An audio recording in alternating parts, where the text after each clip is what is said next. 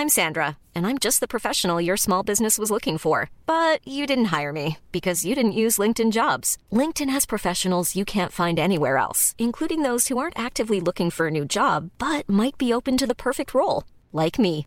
In a given month, over 70% of LinkedIn users don't visit other leading job sites. So if you're not looking on LinkedIn, you'll miss out on great candidates like Sandra. Start hiring professionals like a professional. Post your free job on linkedin.com/people today. Mom deserves the best, and there's no better place to shop for Mother's Day than Whole Foods Market. They're your destination for unbeatable savings, from premium gifts to show-stopping flowers and irresistible desserts. Start by saving 33% with Prime on all body care and candles. Then get a 15-stem bunch of tulips for just $9.99 each with Prime. Round out Mom's menu with festive rosé, irresistible berry chantilly cake, and more special treats. Come celebrate Mother's Day at Whole Foods Market. Burrow's furniture is built for the way you live.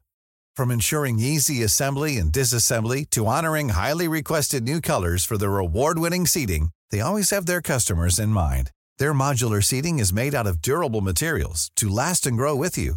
And with Burrow, you always get fast, free shipping. Get up to 60% off during Burrow's Memorial Day sale at burrow.com slash ACAST. That's burrow.com slash ACAST. burrow.com slash ACAST.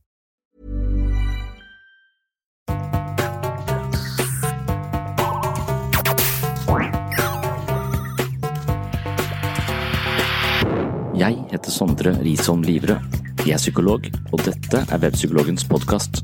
Hverdagspsykologi for fagfolk og folk flest.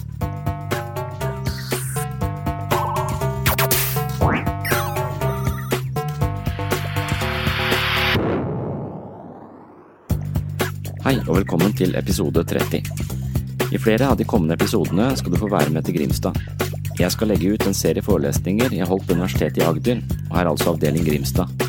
Temaet er utviklingspsykologi, men som vanlig er mitt mål å koble teori mot praksis og levd liv. Jeg ønsker at psykologisk teori skal fungere som et verktøy i hverdagen, og i de kommende episodene vil du bli kjent med en rekke av de mest fremtredende teoretikerne innenfor psykologifaget.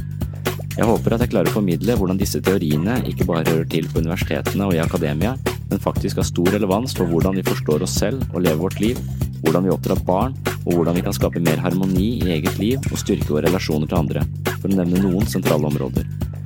En del av temaene har jeg vært inne på i tidligere episoder, men mye er også nytt. I foredraget refererer jeg altså til en eh, plansje. Det er en illustrasjon av de kvadrantene jeg snakker om i eh, dagens episode. Denne plansjen den finner du på webpsykologen.no under eh, Webpsykologens podkast og episode 30. Til det kjedsommelige nevner jeg også at bøkene er skrevet om psykologi og selvutvikling for eh, fagfolk og folk flest, altså selvfølelsens psykologi og jeg, meg selv og selvbildet, reflekterer mange av de temaene du finner igjen i denne podkasten. Vil du gå grundigere til verks og komme enda mer inn i forståelsen av menneskets indre liv, håper jeg du besøker webpsykologen.no, hvor bøkene er til salgs på best pris med fri frakt. Nå tar vi turen til UiA, og dagens tema er perspektiver på psykologi og selvutvikling i praksis. Nok en gang, velkommen til episode 30.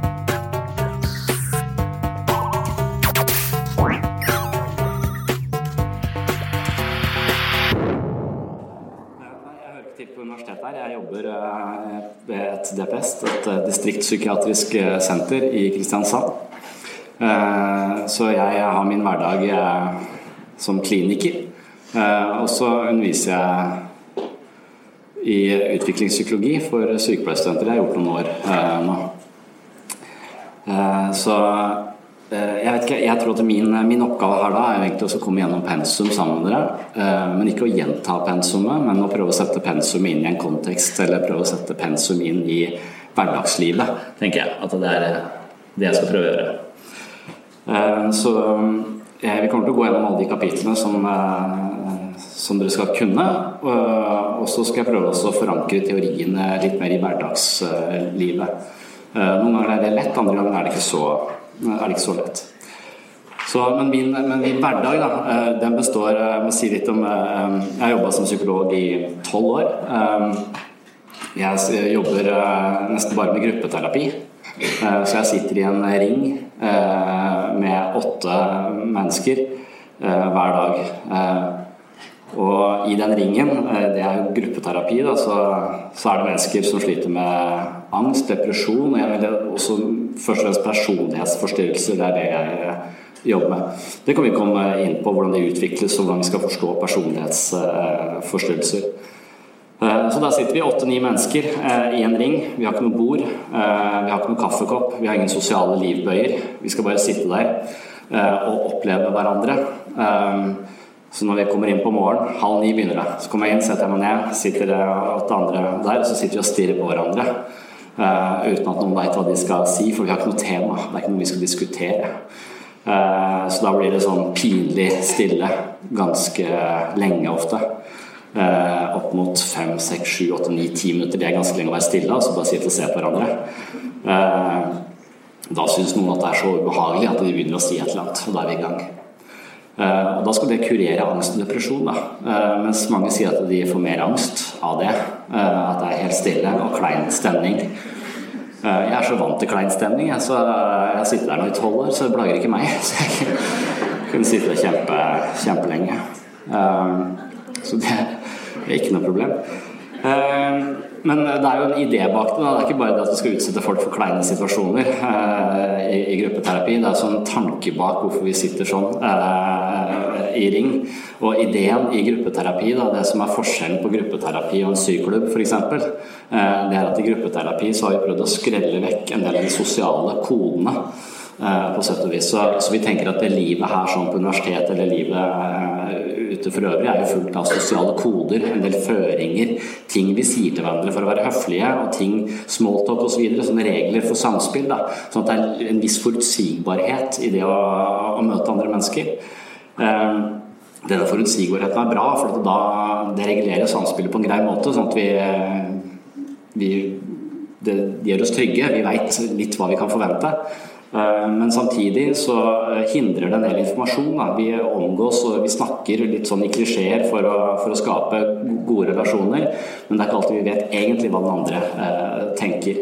Så det er litt sånn, eh, litt sånn kunstig samspill, egentlig, eh, men et sosialt samspill. Så det vi prøver å gjøre da, eller det som gruppeterapi handler om, eller terapi generelt kanskje handler om, det er da altså I gruppeterapi så lager vi en setting hvor vi prøver å ta vekk de sosiale eh, kodene, og så fungerer vi som speil for hverandre. Eh, og det er En idé i terapi er at eh, det er i andres øyne vi blir kjent med oss selv. Og så er En annen idé i psykologi at 95% av det som foregår inni huet vårt, er ubevisst. Det skal vi snakke mye om i dag. Freud fant opp det ubevisste omtrent, eh, som er et av de første, kapitlene. Så veldig mye av det vi tenker, føler og handler, er vi ikke klar over. Vi vet ikke hva som genererer akkurat de typen eh, mønstrene eller den typen eh, reaksjoner osv. Det foregår veldig mye, eh, mye, ubevisst. Så terapi kan man jo da si handler litt om å gjøre det ubevisste bevisst. Det er Freud igjen, det er første kapittel, eller andre kapittel vi skal ha i dag. Så eh, når vi da eh, sitter i en sånn gruppe, og 95% av det som foregår inni oss er ubevisst, så sitter vi egentlig i gruppe og speiler oss i andre folk. Så det som er essensen av gruppeterapi da, er egentlig også det, det man skal gjøre når man er gruppeterapeut, og det man skal gjøre når man er pasient i en gruppe, det er egentlig bare å oppleve andre mennesker og gi en så oppriktig tilbakemelding til andre som man klarer. Man sitter som speil for, eh, for hverandre. Og ideen er da at veldig mange av de menneskene som opplever meg, vil se sider ved meg selv som jeg ikke er klar over uh, fra før. Og Ved å forstå de sidene, så kan det være at jeg kan ta mer ansvar for det. At jeg kan få større dybde i meg sjøl. Kan forstå flere sider uh, ved meg selv. Eksempelet mitt er hvis, jeg, hvis jeg, jeg, var på fest Jeg var på fest for to år siden. Det var sist jeg var på fest da, faktisk. Jeg er småbarnspappa. Klokka halv ni så kollapser jeg. Jeg har tre barn. Det oppleves som 100. Men i hvert fall, det er veldig lenge siden Småbarnsforeldre, Jeg vet ikke, Kanskje de er på fest med jeg, men jeg, er veldig sjelden i hvert fall. Men sist jeg var på fest, da, så sto jeg og snakka med en fyr eh, som, eh, som virket som ikke brydde seg om meg. Eh, han virka som om han syntes jeg var totalt uinteressant. Og jeg gjorde alt jeg kunne for å være flink på smalltalk og, og forholde meg til alle disse kodene, som jeg for så vidt kan. Um, så, og jeg stilte han spørsmål. Jeg tenker det er intelligent, så være interessert i andre uh, mennesker. Eh, men han bare så alle andre veier enn på meg. Eh, og da skjer det noe på en måte i kontakten mellom meg, så, mellom meg og han, så skjer det et eller annet. Det er jo, I hvert fall så skjer det noe inni meg. Jeg føler meg uinteressant og oversett. Det gjør meg litt forbanna, og så gjør det meg litt sånn faen, er jeg så uinteressant? Er det så lenge siden jeg har vært på fest? Kan jeg ikke dette i det hele tatt? og det kan jo være en forklaring på den situasjonen. Men, men det er et eller annet der som blir ubehagelig. Men på fest så sier jeg ikke noe om det. For det vil være brudd på de sosiale kodene. Hvis jeg da sier at du, når du bare ser forbi meg, så føler jeg meg helt ubetydelig. Eh, hvis du begynner å snakke om konteksten på den måten, så er det ofte en hersketeknikk eh, i sosiale sammenhenger. Eh, det, det, er i hvert fall ikke akseptabelt. Så eh, på fest så trekker jeg meg bare unna. Jeg sier jeg må på do, vi snakkes, eller, eh, eller et eller annet sånt noe. så Pga. de sosiale kodene. Og det er, det er, en grei ting. Mens i gruppeterapi, hvis dette hadde oppstått i gruppeterapi, så hadde jeg ikke trukket meg unna eller gått på do. Da hadde jeg, eh, da hadde jeg heller tatt og, og sagt at du, stopp litt nå. Måten du er på her sånn, får meg til å føle meg helt eh, miserabel. Jeg føler meg dum og liten eh, i denne situasjonen her sånn. For det oppleves som om du ikke følger med på noe av det jeg sier. Hva som skjer her. Og da kan det hende at han sier at jeg har så mye angst at jeg klarer ikke å følge med. Og da vil situasjonen for så vidt forandre seg. Da får jeg informasjon om hans indre liv eh, som jeg kunne bruke. Eh, for da kan det være at jeg forstår han. Da kan det være jeg får medfølelse med han. Han er så full av angst at han klarer ikke å følge med på hva jeg sier. Eh, det betyr at istedenfor å føle seg liten og dum, så kan jeg kanskje få medfølelse eh, med han. Og der er det en del forskning som sier at medfølelse det lever du ti år lenger på. Mens hvis du føler deg liten og dum, så dør du ti år for tidlig. Og jeg er veldig redd for å dø. Eh, så for meg så er det veldig bra da med medfølelse. Så jeg prøver å etablere medfølelse i så mange situasjoner som mulig for å unngå å dø for tidlig. Eh, så jeg ser det som en vinn-vinn-situasjon. Men ideen er at jeg vet ikke alt som foregår inni andre eh, mennesker, men idet jeg klarer å avkode det på en korrekt måte, så kan jeg hende at jeg kan endre min holdning til ganske mange ting og få en større forståelse av meg selv. Istedenfor å føle seg liten og dum, så kan jeg få medfølelse med han. Og noen mennesker er gode til å forstå andre. Og noen mennesker er gode til å forstå seg selv. Og den evnen kalles mentalisering. Uh, og det skal vi snakke mye om gjennom dette kurset eller utviklingspsykologi. For det er det uh, Veldig mye psykisk sunnhet korrelerer med høy grad av mentaliseringsevne. Og mentaliseringsevne betyr at jeg hvis jeg har høy mentaliseringsevne, så forstår jeg meg selv utenfra. Jeg kan se meg selv utenfra. Jeg kan se måten jeg tenker, føler og handler på som en slags observatør. Jeg er klar over mine små og store feil, og jeg kan observere meg selv litt i, i, møte med andre, andre, mennesker. Jeg kan justere meg. Samtidig som jeg kan se meg selv utenfra, så kan jeg se andre mennesker innenfra. Jeg klarer å forstå andre mennesker litt bak overflaten, litt bak det de eh, viser umiddelbart. Og da kan jeg på en måte være sosialt klokere. Jeg kan skape bedre situasjoner. Jeg er mer eh, mellommenneskelig fleksibel eh, på sett og vis. Og jeg vil ofte være mer tolerant og forståelsesfull. Så hvis vi har mye mentaliseringsevne, så forstår vi vårt eget indre liv, samtidig som det er på en måte utgangspunktet for å forstå andres indre liv. Eh, noen kaller det mindsight, noen kaller det mentalisering, noen kaller det theory of mind. Det er veldig masse, eh, masse navn. Men denne egenskapen den går an å trene opp. Jo mer vi har av den, jo mer balanse vi ofte har i oss selv, og jo bedre relasjoner får vi til, eh, til andre. Så, så, det er på en måte ideen i gruppeterapi er at vi, vi skal forstå oss selv utenfra og andre mennesker innenfra. Og vi skal, vi skal blåse opp små finurligheter som skjer mellom mennesker, for å, for å se det i et litt større perspektiv. Og da har vi litt med oss Freud igjen, som blir det første andre kapittelet. dag. Så Freud sier at uh, ingenting er tilfeldig. Uh, så alt det vi tenker og føler og gjør, det har en eller annen årsak. Og hvis vi forstår den årsaken, så kan vi forstå oss selv litt dypere. Um, ja, så uh, sånn flere bare Der jeg kommer fra, altså gruppeterapi i verden, på en måte. Jeg har selv gått i gruppeterapi veldig mange veldig mange ganger. Veldig mange, en del av å bli gruppeterapeut handler om å gå hundrevis av timer i gruppeterapi. En del av min utdannelse når jeg studerte på universitetet, så måtte jeg også gå i egen terapi. Der var det også da gruppeterapi. Så jeg har vært mange omganger i gruppeterapi. Eh, og jeg husker spesielt en, eh, en gruppe jeg gikk i i Oslo. Det var en gruppe med bare leger og psykologer. Eh, det var helt jævlig, egentlig det er de vanskeligste pasientene. Jeg sier altså helsearbeidere. Fryktelig vanskelig. Jobbe med. Men jeg var en del av gruppa. Jeg var en pasient i den, i den gruppa. Og det, jeg, det var en av mine første erfaringer egentlig med gruppeterapi også, eller kanskje den andre eller tredje, men likevel så Eh, så, tenkte, så hadde jeg en slags idé om at når jeg kommer inn i gruppa, så, så har jeg lyst til å bli likt. Det var sånn behov jeg hadde før. Jeg har mindre av det behovet nå. Det avtar litt med årene. Men først var jeg veldig opptatt av at andre skulle like meg. Um, og, så derfor så spilte jeg på en måte sosiale spill, og jeg veit hvordan eh, jeg skal være for at folk skal like meg. Uh, så jeg prøvde, prøvde, det i gruppeterapi, og det funka sånn delvis. Jeg presenterte problemer, men jeg holdt en sånn kontroll på så jeg visste hva slags tilbakemeldinger jeg fikk. Jeg på en måte styrte de andre som speil, da, så jeg visste hva slags tilbakemeldinger jeg, jeg, kom til å få. Uh, etter hvert så var det noen som avslørte det, at ja, du er veldig sånn sosial, politisk korrekt og hyggelig, liksom, men, men får du noe ut av det? Og så tenkte jeg nei, det gjør jeg jo ikke. Jeg lærer jo ikke noe nytt om meg selv, bortsett fra at jeg vet at jeg kan være sosial hvis jeg prøver på det. Eh, så for å gå i gruppeterapi da, så måtte jeg på en måte være litt mer spontan. Jeg måtte på en måte uttrykke meg mer direkte og fjerne litt av den politiske korrektheten min. Da. Eh, og det, det er også litt sånn Freud-idé, på en måte. Han kaller det fri assosiasjon. Vær litt mer direkte, ikke tenk deg så om før du, uh, før du uttrykker deg. Og Da begynte jeg med det. Jeg tenkte ok, nå skal jeg gå helhjerta inn for å bare være direkte. Eh, så, så, direkte som jeg klarer. Og når jeg gjør det en periode, så, så sier gruppa at eh, vet du hva, du er forferdelig arrogant, sier de da. Og da tenkte jeg at jeg visste det var dumt å være meg sjøl.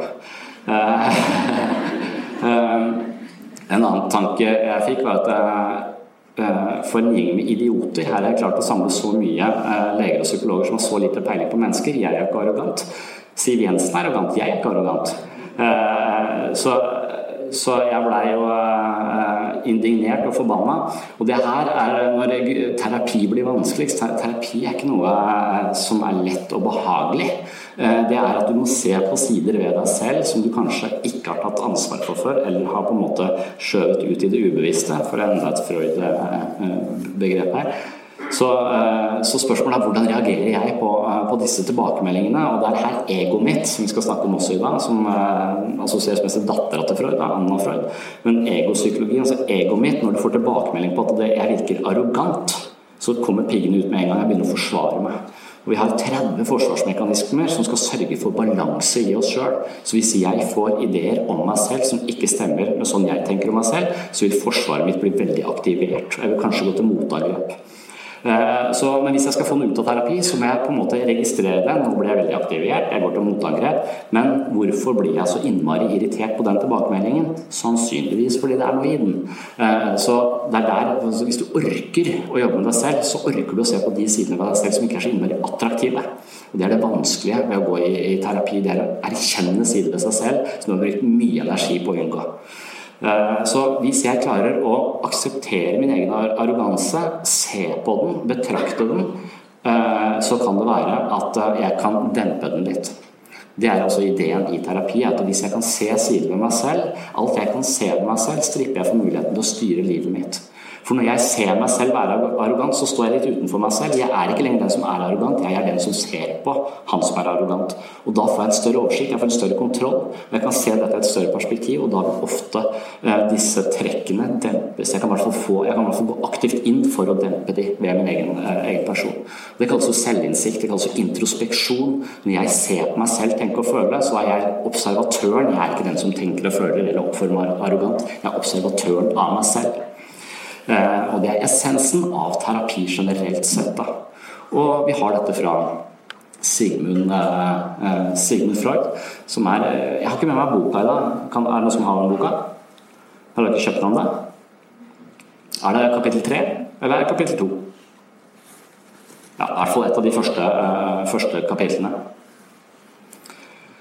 Yes, uh, så uh, Det ble en sånn uh, lang innledning til hva jeg selv driver med, hvordan jeg tenker litt om, om terapi. jeg sitter i denne typen fora hver dag. Her i dag, eller i dette kurset, som vi skal møtes tre ganger over fire timer, så skal vi snakke om utviklingspsykologi. Og vi skal snakke om utviklingspsykologi fra mange forskjellige perspektiver.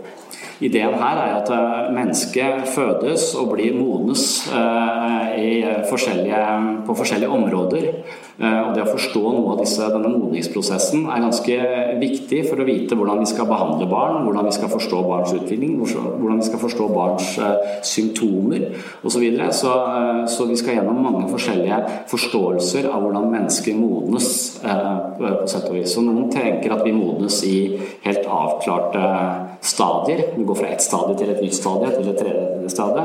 Mens andre tenker mer på, på utvikling av, som en mer sånn bølgeaktig prosess, eller, eller eh, en prosess som går mer i eh, at vi har mange forskjellige egenskaper som modnes litt sånn hen og veien på forskjellige tidspunkter i forskjellige menneskers liv.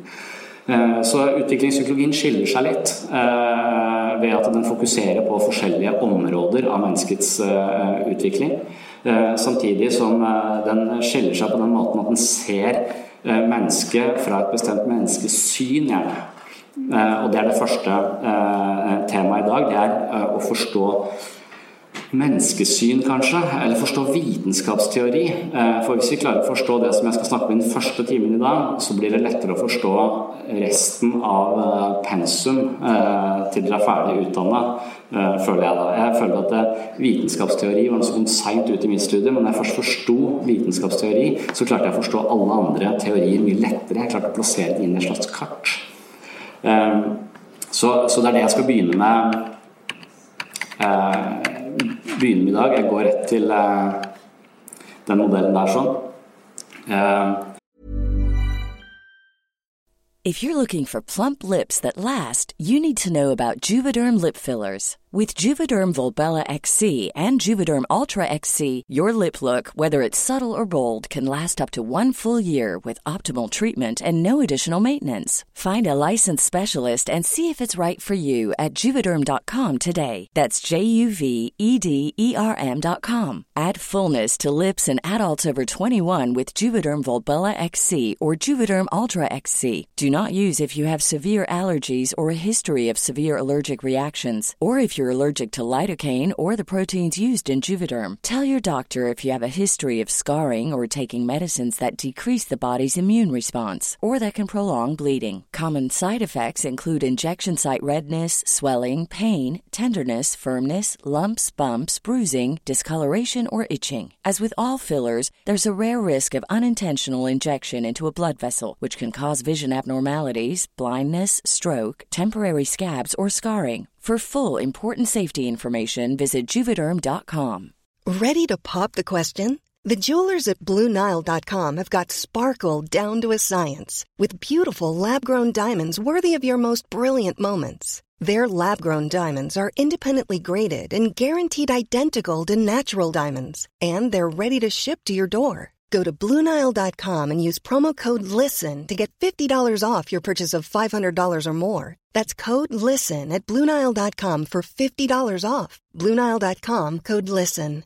I'm Sandra, and I'm just the professional your small business was looking for. But you didn't hire me because you didn't use LinkedIn jobs. LinkedIn has professionals you can't find anywhere else, including those who aren't actively looking for a new job but might be open to the perfect role, like me.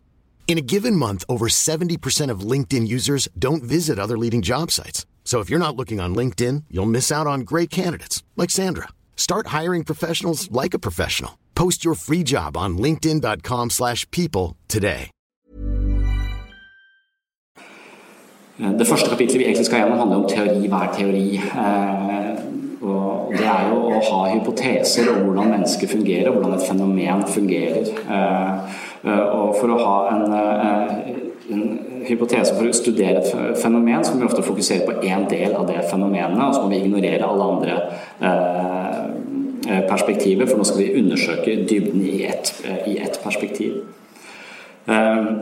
Så, og, og mennesket er veldig komplekst, og mennesket har mange sider. og og, og dermed så, så, krever det å forstå mennesket det krever at vi har eh, teorier eh, som, eh, som, er både ser på menneskets biologi, men også på menneskets syke. Vi trenger også teorier som ser på mennesket i fellesskap, det kollektive mennesket. Og vi trenger teorier som ser på menneskets relasjoner til andre. Vi trenger, vi, trenger, mange perspektiver for å forstå helheten i dette her.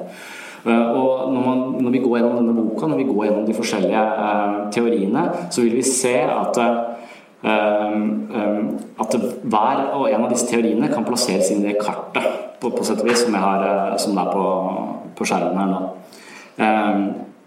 Og for, for enhver teori har et bestemt menneskesyn. De ser verden fra en bestemt vinkel.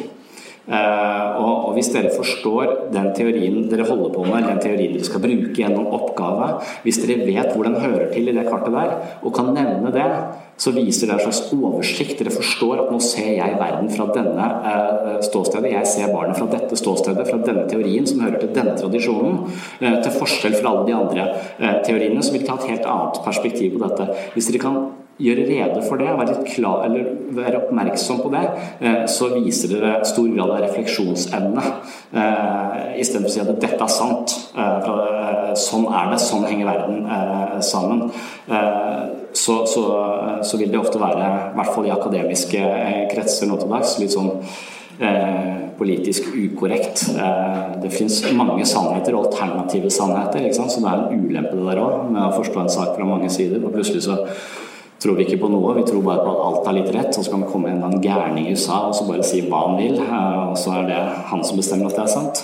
Eh, så, eh, så denne postmodernistiske holdningen til, til, til, teori og kunnskap da, har sine desiderte ulemper. Når det gjelder mennesket, så trenger vi å, å se på en måte kompleksiteten i det. Så jeg tror vi bare går direkte til den eh, modellen her. for det blir så, vi, vi, må, vi, må, forstå essensen av dette her. Øverst til høyre der så er det mennesket som et biologisk eh, vesen. Der har du et bilde. Det er Francis Crick. Eh, han er eh, kjent for eh, den forbløffende hypotesen som sier at 'you're nothing but a pack of neurons'. Og der oppe så vil man si at der har vi eh, naturvitenskapen. Eh, der har vi positivismen. Der har vi en slags Eh, det, dette er jo fra opplysningstiden. ikke sant? Vi tror ikke lenger på noen store fortellinger. eller noe sånt. Vi tror at vi kan eh, med vitenskap og presisjon, med kontrollerte studier, så kan vi utlede verden. på en måte. Verden er forutsigbar, den er determinert, den er forutbestemt. Det er årsaker og virkninger, det er evolusjon. Det er, det er ting som vi kan måle og veie. på en måte. Det er den delen jeg er opptatt av. Og der ligger medisin, f.eks. Eh, der ligger store deler av helsevesenet eh, og store deler av det som har gitt oss mange flere leveår, eh, kommer fra forskning på kropp og det, eh, det fysiske materien. Og når det kommer til psykologi, så, så, har det liksom vært litt sånn at psykologien vil gjerne være så naturvitenskapelig som mulig. Men så blir det litt vanskelig. For det, det å, å forstå at psyken kun i kraft av nevrokjemi blir ofte litt reduksjonistisk. Blir ofte å snakke et språk som mennesker ikke kjenner seg igjen i. Eh, så, så det er sånn, så denne forbløffende hypotesen er jo 'nothing but a pack of neurons' betyr dypest sett at det, eneste du er, er bare masse nerveceller eh, og synaptiske forbindelser som skyter i et myriade av forskjellige eh, retninger. Og du har milliarder av sånne hjerneceller. Og kompleksiteten i hjernen din gir en opplevelse av å være noe helt spesielt, men det er bare en illusjon. Du er egentlig bare en biologisk organisme eh, som fødes, påvirkes og oppfører seg sånn som den oppfører seg i kraft av de påvirkningene som på en måte eh, styrer oss, og så dør vi, og så er det ikke noe mer eh, enn det. Eh, vi er bare vi er som dyr, på en måte, og, og dyr vil kanskje også opponere nei, jeg er mye mer enn det. Vil kanskje dyr også tenke, det vet vi ikke, for de snakker jo ikke så mye. Mens, men de fleste vil ikke kjenne seg igjen i en sånn naturvitenskapelig beskrivelse av seg selv. Da, fordi vi opplever at vi er noe mer. Vi opplever at vi kan ikke forklares i nevrokjemi.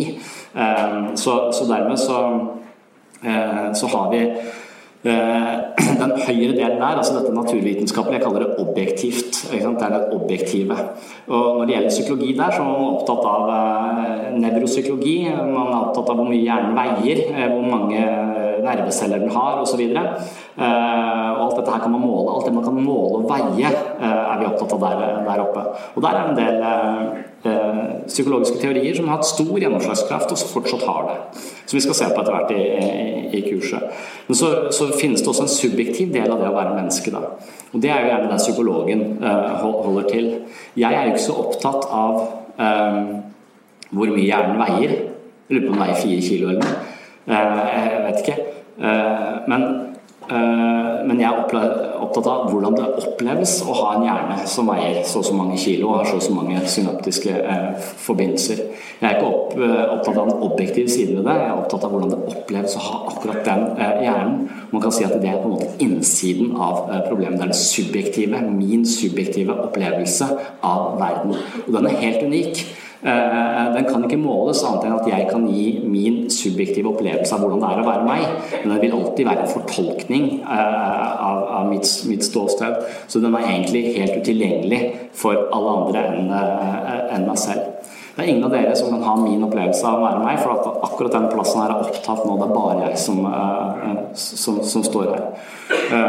Og jeg er et resultat av alle mine erfaringer og mitt liv osv. Så, og, så, videre. så det å være meg, det det kan jeg prøve å beskrive for dere. Eh, det vil være kjedelig, eh, eh, men, det er ikke noe man kan måle og veie i en rent naturvitenskapelig perspektiv. Så det er den subjektive siden. Så her, her har vi en modell som der oppe ser mennesket som enkeltindivid. Det er den objektive delen av oss, og det er den subjektive delen av oss. Eh, og Da kan man si at det er naturvitenskap på høyresiden, og det er humanvitenskap på, eh, på, på venstresiden. Det er helt forskjellige språkspill. De snakker om mennesket ut ifra helt forskjellige eh, på en måte prinsipper og, og, og, kriterier for hva som er sant og ikke sant. Så, eh, så, dette er to forskjellige dialekter, to helt forskjellige innfallsvinkler til det å være, til det å være menneske. Noen ganger kan disse innfallsvinklene forstå at de snakker om Mm, om samme sak, men av og til så bare kjemper de mot hverandre. Så blir det det man kan kalle en profesjonskamp eller strid mellom ulike eh, perspektiver. Eh, så, og dette er ikke uvanlig da, på, uh, i psykisk helse. Dette, dette forstår alle. Vi, vi, forstår dette her til en viss grad, og vi, vi tenker at vi Eh, vi kan se forbi det og sånn, men i praksis, når man kommer ut i den altså, virkelige eh, verden, så er det ofte sånn at disse eh, forskjellige perspektivene på mennesker konkurrerer litt om sannheten. Og det ser man f.eks. Jeg har jobbet mye på døgnpost, eller i hvert fall de tre-fire første åra jeg jobba, så jobba jeg på, døgnpost. Og, da er det ikke så, så, sjelden at det var en eller annen rabiat type ute i gangen som hadde gått helt amok. Og så satt vi inne på et eller annet pauserom og diskuterte det her. Eh, og, så, kommer psykologen, da, som er meg der, eh, og så begynner jeg å, å, snakke om hva jeg tenker er eh, problemet ute i gangen her. Og så sier jeg at ja, dette handler nok om eh, at han er, må finne urskriket, eh, og at han eh, sliter med penismisunnelse og ødipuskompleks. han hadde nok tenkt til å drepe faren sin for å gifte seg med mora si, og det har ført til en indre konflikt som aldri ble løst, som nå kommer til uttrykk i at han treffer noen sykepleiere her på, eh, på posten som minner han om moren, og så skjer Lang, syk forklaring på hva som eh, kan ligge bak eh, denne utageringen i gangen. I mellomtida så har legen, som hører til den høyre kvadranten i denne sammenheng, sagt at vet du hva, vi gir noe beroligende, og så ser vi hva som skjer i morgen. Så da har han fått noen medisiner, roa seg ned på det. Ting går videre, og jeg sitter her og prater om mine teorier. Alle har gått fra møtet, ingen hører på meg. Så jeg har innsiden av problemet. Jeg vil forstå tingene fra innsiden. Mens, mens her er det også noen medisiner som bare kan fikse situasjonen ganske, eh, ganske greit eh, der og da. Eh, og så skulle vi se det an i morgen. Og til så må vi bruke medisiner, men altfor ofte i vår, vår Eh, skal si, kultur, så, så, er det det eneste vi får eh, når vi har eh, problemer på innsiden. Når vi har problemer i opplevelsen av å være oss, eller angst og depresjon osv., så, videre, så får vi noe utenfra som på en måte demper eller justerer nevrokjemien inni huet vårt, sånn at vi får en litt annen opplevelse, sånn at vi har det litt roligere inni, inni oss. Og det kan jo være kanskje en litt snever innfallsvinkel til f.eks. depresjon. Uh, her vil vi ha to helt forskjellige uh, teorier på hva er uh, depresjon. For et naturvitenskapelig, eller ikke naturvitenskapelig, men fra et rent sånn positivistisk, objektivt perspektiv, som vil si at når du sliter med depresjon, så har du for lite dopamin eller endorfiner i hjernen din. Det er et eller annet ubalanse i nevrokjemien, og det kan vi justere med narkotika, f.eks. Narkotika vil jo virkelig endre opplevelsen av å være oss selv ganske dramatisk. Eh, ganske raskt. Så det er en veldig quick fix eh, på dårlig humør. Eh, som man bruker hvis man skal på fest, f.eks. Og trenger å være veldig, veldig glad. Men, men, det kan også tenkes medisiner. Så hvis vi har en dårlig, en negativ, nedstemt opplevelse av å være meg, så kan jeg ta en eller annen, et eller annet medikament som gjør noe med balansen i nevrokjemi, som gjør at jeg også opplever meg selv annerledes. Og så, vil man si, eh, som har en helt annen uh, teori på venstresiden om depresjon. Altså, jeg som psykolog vil tenke at uh, en forklaring på depresjon som vil høre til Freud-temaet i dag, vil være at uh, du er vokst opp i en eh, familie hvor det å være sint ble sett på som tabu og forbudt. Så du undertrykker veldig mange av dine aggressive eh, følelser. Du har på en måte lært å forstå ag aggresjon som farlig og lite sosialt akseptabelt. Så hver gang du kjenner eh, aggresjon, så undertrykker du det. Noe som også betyr at du undertrykker livskraft. Det er aggresjonen din du på en måte må kanalisere for å skape mening og kraft i ditt eget liv. Og når du er så redd for din egen aggresjon, så blir du helt flat og depressiv aggressiv av det. Samtidig som du får angst fordi du på et eller annet nivå hele tiden er redd for din egen undertrykte aggresjon, som av og til kommer til uttrykk på julebordet, hvor du går helt galt og du er sykmeldt både januar, februar og mars pga. skam. Eh, så, eh, så det, det, er det, er en, subjektiv liksom, det er en forståelse at det, det, er måten du tenker på, det er måten du forvalter bevisstheten din på, og du forstår dine egne følelser, som fører til dette eh, symptomet. Så vi er nødt til å forstå oss selv, vi er nødt til å akseptere, tåle, forstå og uttrykke følelsene våre annerledes for å bli kvitt uh, depresjonen. Det er et subjektivt, et, et, helt annet språkspill, en helt annen narrativ, en helt annen forståelse av hva depresjon er for noe. Uh, men vi kan snakke om den samme depresjonen. Eh, så, så hva, er, eh, hva, er, depresjon? Det er jo både ubalanse i nevrokjemi, men det kan også være måter å tenke og føle på som man har tillært i et miljø som ikke ga oss den friheten vi trengte, f.eks. Eh, sånn at det er det måten vi bruker tankene våre på, som også genererer depresjon. Det er to forskjellige perspektiver som av og til strides. Om, om, sannheten. Og sannheten er jo at begge perspektivene har rett. For hver sin eh, Eh, fra hvert sitt ståsted, fra hvert sitt menneskesyn, på sett og vis.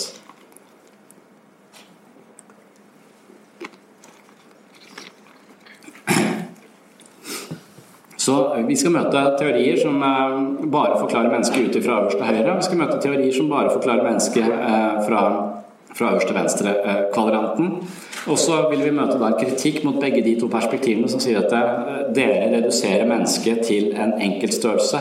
Mennesket kan aldri forstås i et sånt sosialt vakuum som dere fremsetter, så vi er nødt til å forstå mennesket kontekstuelt. Vi er nødt til å se mennesket sammen med andre mennesker. Mennesket er ikke bare et jeg, men et vi.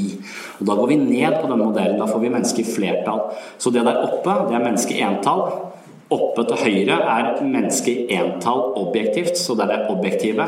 Så er det det subjektive, mennesket i entall, det subjektive. Og så går vi ned til eh, venstre der, så har vi det intersubjektive. Jeg og den andre.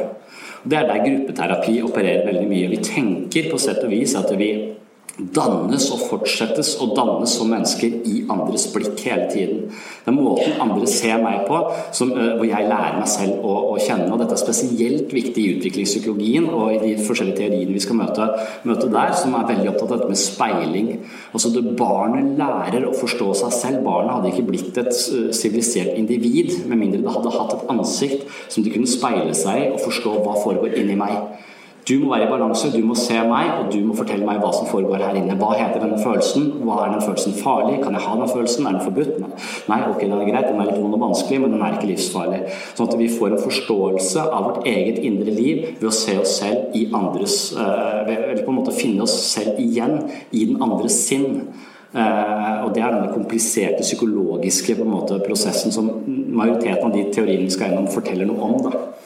Eh, hvordan vi dannes, hvordan vi får et konsept om vårt indre liv, sånn at vi kan forstå det og regulere det. For det er tross alt vårt indre liv som eh, er, det er denne psyken vår som skrur sammen alle opplevelsene vi har av livet. Eh, så, så, det er kanskje det viktigste eh, vi har. Men det er veldig få som bruker så mye tid på å tenke på vår egen syke på denne måten. Vi har en bevissthet, og vi fungerer ut ifra den. Og jeg er veldig sjelden bevisst hva det vil si å ha en bevissthet. Og Det er der psykoterapi kommer inn. Vi må reflektere litt mer over hvordan du bruker ditt eget psykologiske apparat for å skru sammen alle dine opplevelser av deg selv og livet. Eh, så det inter, intersubjektive er bildet av Foucault der. Ikke sant? Det er veldig sånn, kommer kanskje i sosiologien og jeg snakker om maktstrukturer osv. Det, altså, det er et perspektiv eh, på mennesket i samspill med den andre, hvordan mennesket dannes eh, i et fellesskap. Da. Så det er det intersubjektive. Og så har du også der nede til høyre, da, det må bli det interobjektive. Det er også tatt med som et perspektiv her. Denne den modellen står ikke i boka, eh, men jeg, jeg, bruker den bare fordi at den kan rydde opp i de forskjellige perspektivene. Og jeg mener at hvis dere forstår dette, hvis dere klarer å plassere teoriene underveis inn i dette her, så på en måte mestrer dere en, slags grunnleggende forståelse av hvor disse teoriene kommer fra, og hva de forteller, hva slags menneskesyn som ligger bak. Og Hvis man klarer å demonstrere det, så, eh, så tror jeg man får god karakter. Det er vel ideen. Sånn var i hvert fall når jeg leser uh, læreplanen og sånn. Så det interobjektive, da, hva er det for noe? Det er mennesker som borger i et samfunn. Vil si at det interobjektive det er alle de strukturene som er rundt oss. Det er alle institusjonene som også påvirker hva det vil si å være et menneske. Så nevrokjemien min inni mitt hue vil jo påvirke opplevelsen av meg. Mine erfaringer, min måte å tenke om meg selv på, vil påvirke opplevelsen av meg. Mine relasjoner vil påvirke meg. Men øh, det faktum at jeg lever i, en, øh, i verdens rikeste land, og øh, i det landet hvor folk, det er flest lykkelige folk, leste jeg akkurat i avisa, og at jeg lever i en verden som har en eller annen psykopat som sitt eh, øverste leder, nærmest. Det også, vil også påvirke meg på et eller annet eh, tidspunkt. Vi lever i en eh, stadig blåere regjering. Masse sånne, alle disse institusjonene. Jeg har et helsevesen som hjelper meg når jeg er syk. Alt det som påvirker meg, er også en viktig del av det å være menneske. og Det, det må, også, vi må også ta med i betraktningen når vi skal forstå et menneske. For mitt vedkommende, i min hverdag, så er veldig ofte den interobjektive kvadranten her, hvor det er bilde av Karl Marx Eh, den interobjektive kvadranten er ofte Nav-systemet. Eh, for at Nav, når, når, du har blitt syk og du trenger hjelp, eh, så du, er du også avhengig av Nav. Og Nav er da disse ytre omstendighetene som har en stor påvirkning på menneskets, menneskets liv. Og hvis vi ignorerer disse livsadministrative, økonomiske tingene ved livet og bare snakker om opplevelsen av å være meg, så kan det gå fryktelig galt i den kvadranten. Og hvis det går fryktelig galt i den kvadranten, så vil det påvirke alle de andre kvadrantene. Plutselig så har du ikke penger eller mat på bordet, og da vil det skje noe med nevrokjemien din og opplevelsen av å være deg. Så det vil skje noe i alle kvadrantene hvis vi ikke ivaretar disse sosioøkonomiske aspektene ved å være, eh, ved å være menneske. Eh, så en del av disse teoriene vil også eh, på en måte se, ha utgangspunkt der sånn. Og se, se på det kollektive. Det kulturen, det kulturpsykologi hører til der, der nede. Og når jeg sier det med Nav, så Nav har hatt så mange reformer og blitt så stort og komplekst at er, man kan få et inntrykk at de som jobber der, ikke helt vet hvordan det fungerer engang. en gang. Og når man da står utenfor og skal prøve å uh, få hjelp derfra jeg, Min yngste datter er fem måneder, så nå må jeg søke om uh, pappaperm. Fant ut at jeg hadde jo Jeg prøvde i går, så jeg at det var tre måneder for seint.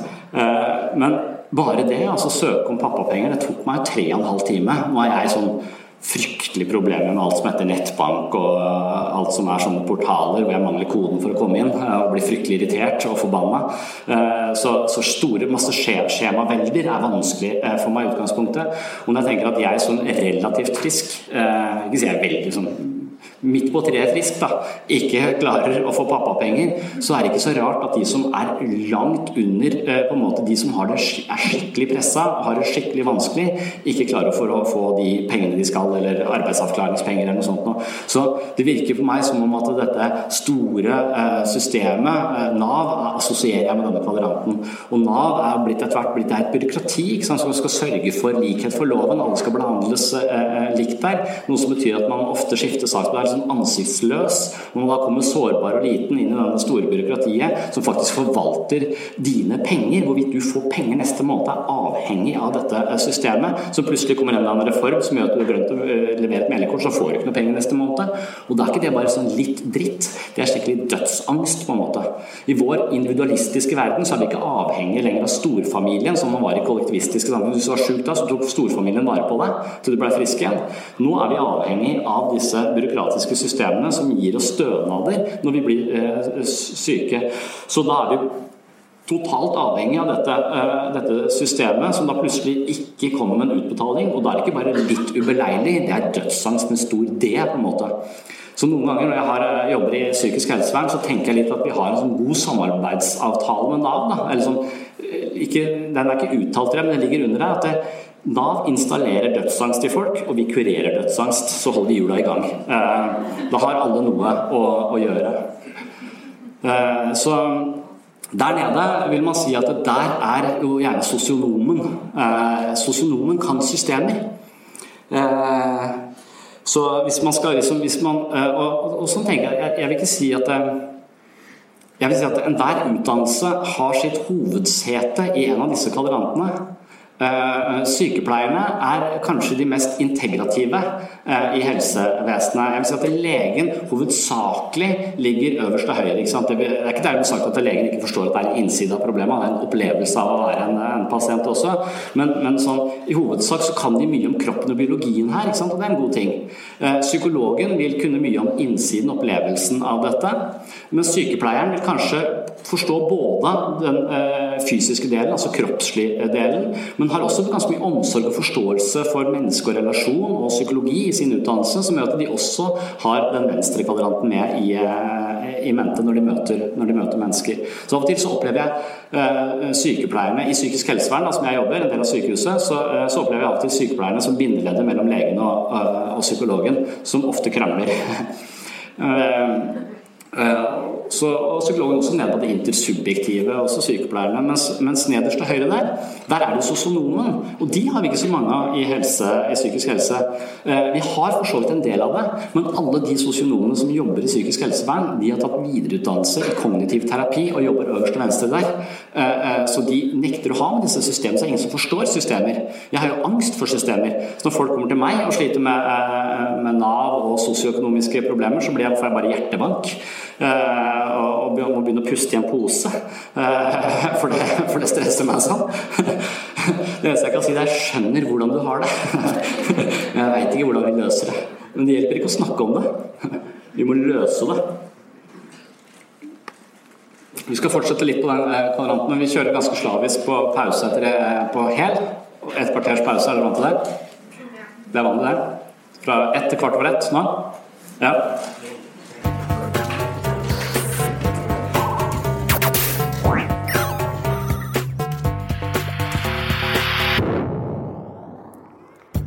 Takk for at du hørte på Webpsykologens eh, podkast. Vil du vite mer om dette temaet, må du følge med inn neste episode. Hvis du liker podkasten og har tid, så hadde jeg satt stor pris på om du kunne gå inn på iTunes og rate den der. På gjenhør!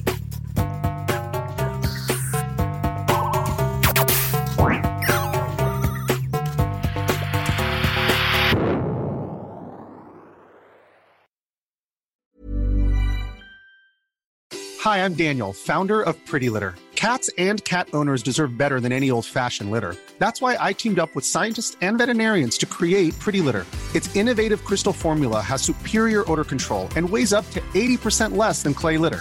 Pretty Litter even monitors health by changing colors to help detect early signs of potential illness. It's the world's smartest kitty litter. Go to prettylitter.com and use code ACAST for 20% off your first order and a free cat toy. Terms and conditions apply. See site for details. Normally, being a little extra might be a bit much, but not when it comes to healthcare. That's why United Healthcare's Health Protector Guard fixed indemnity insurance plans, underwritten by Golden Rule Insurance Company, supplement your primary plan so you manage out of pocket costs. Learn more at uh1.com. Mom deserves the best, and there's no better place to shop for Mother's Day than Whole Foods Market. They're your destination for unbeatable savings, from premium gifts to show stopping flowers and irresistible desserts. Start by saving 33% with Prime on all Body care and candles. Then get a 15 stem bunch of tulips for just $9.99 each with Prime. Round out mom's menu with festive rose, irresistible berry chantilly cake, and more special treats. Come celebrate Mother's Day at Whole Foods Market.